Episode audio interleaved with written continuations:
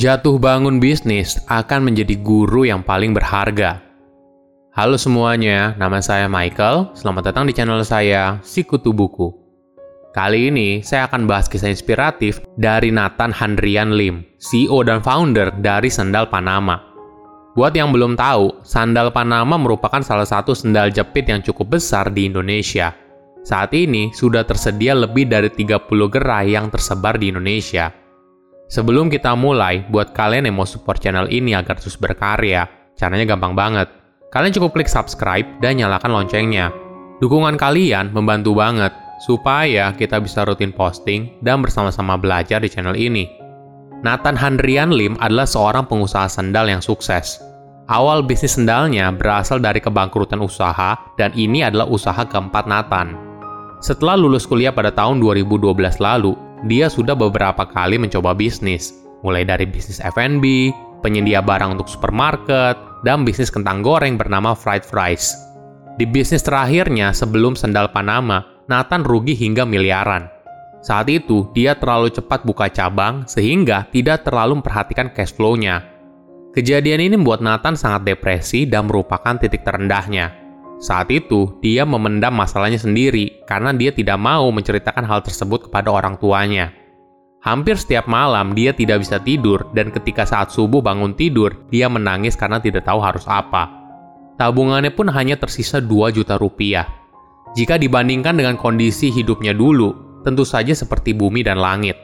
Sebelum berhutang, dia terbiasa punya uang miliaran. Namun setelah kejadian tersebut, walaupun dia naik BMW, namun uangnya tidak ada sama sekali. Dalam kondisi yang sangat terpuruk, ada sebuah peluang muncul. Waktu itu, ketika Nathan sedang menyuplai barangnya ke food hall, tim dari food hall bertanya kepada Nathan, kenapa dia terlihat cukup stres. Nathan lalu bercerita kalau dia sedang stres karena pusing hutangnya yang banyak. Tim dari food hall tersebut menawarkan dia untuk mencari tenan di salah satu bagian food hall Plaza Senayan.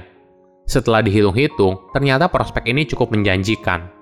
Nathan pun lalu mencari tenan yang mau membuka toko di food hall.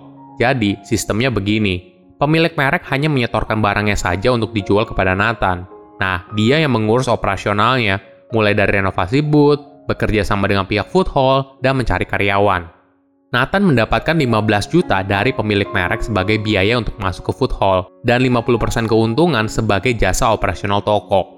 Uang ini langsung masuk sebagai pendapatan Nathan, Sedangkan dengan pihak food hall, Nathan tidak perlu membayar biaya sewa tenan tersebut, namun sistemnya ada pembagian hasil keuntungan.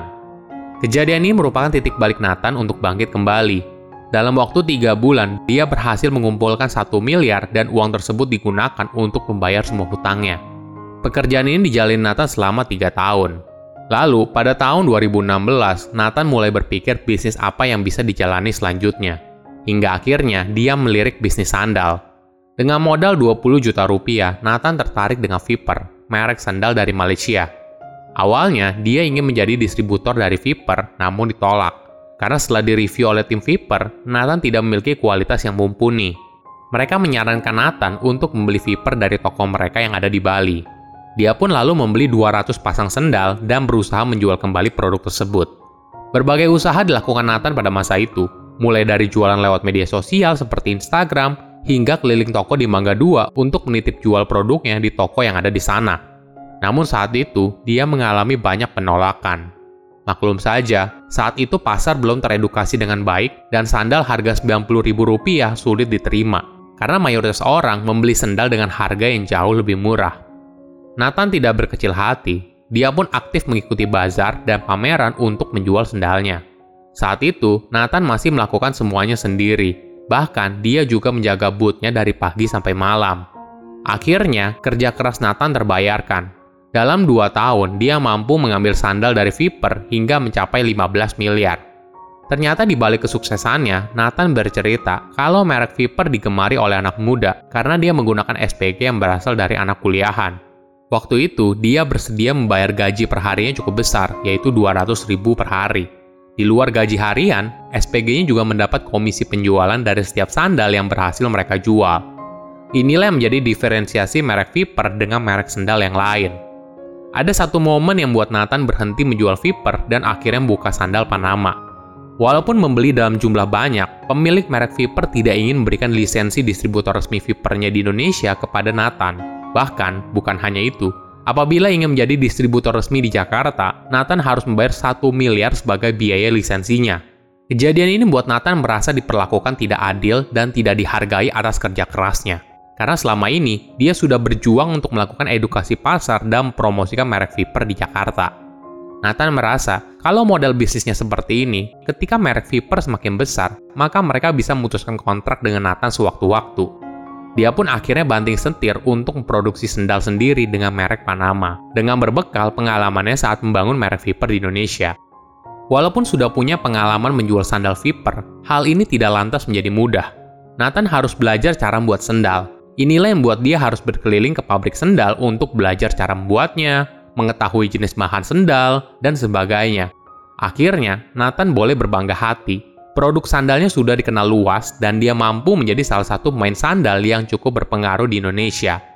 Selama lebih dari tujuh tahun berbisnis, Nathan membagikan beberapa tips buat kamu. Pertama, terbuka dengan kondisi yang dihadapi. Jika kamu punya masalah, jangan dipendam ini yang Nathan pelajari ketika dia harus berhutang lebih dari satu miliar.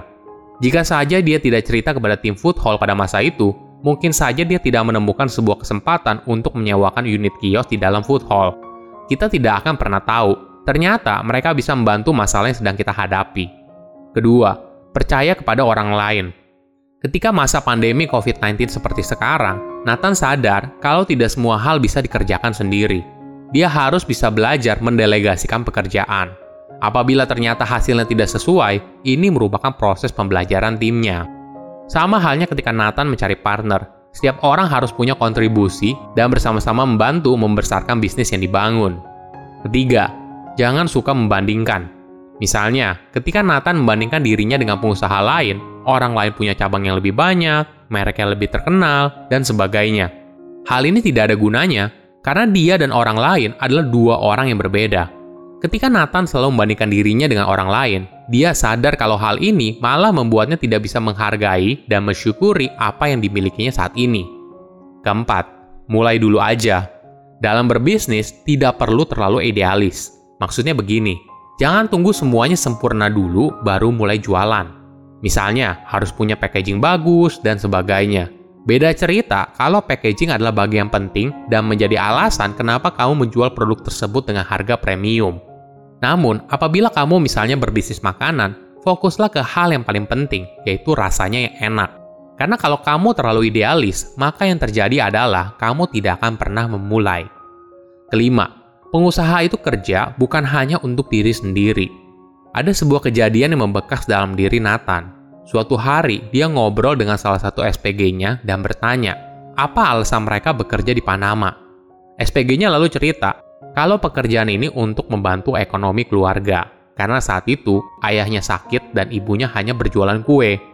Hal ini sangat membekas sekali dan Nathan jadi ingat lagi visi awalnya dalam berbisnis, yaitu untuk membantu anak muda agar bisa mandiri dan bekerja keras. Bisnis itu tidak hanya selalu untungnya saja atau manisnya saja, namun, kamu juga akan mengalami banyak kegagalan sebelum akhirnya bisa menjadi pengusaha yang sukses.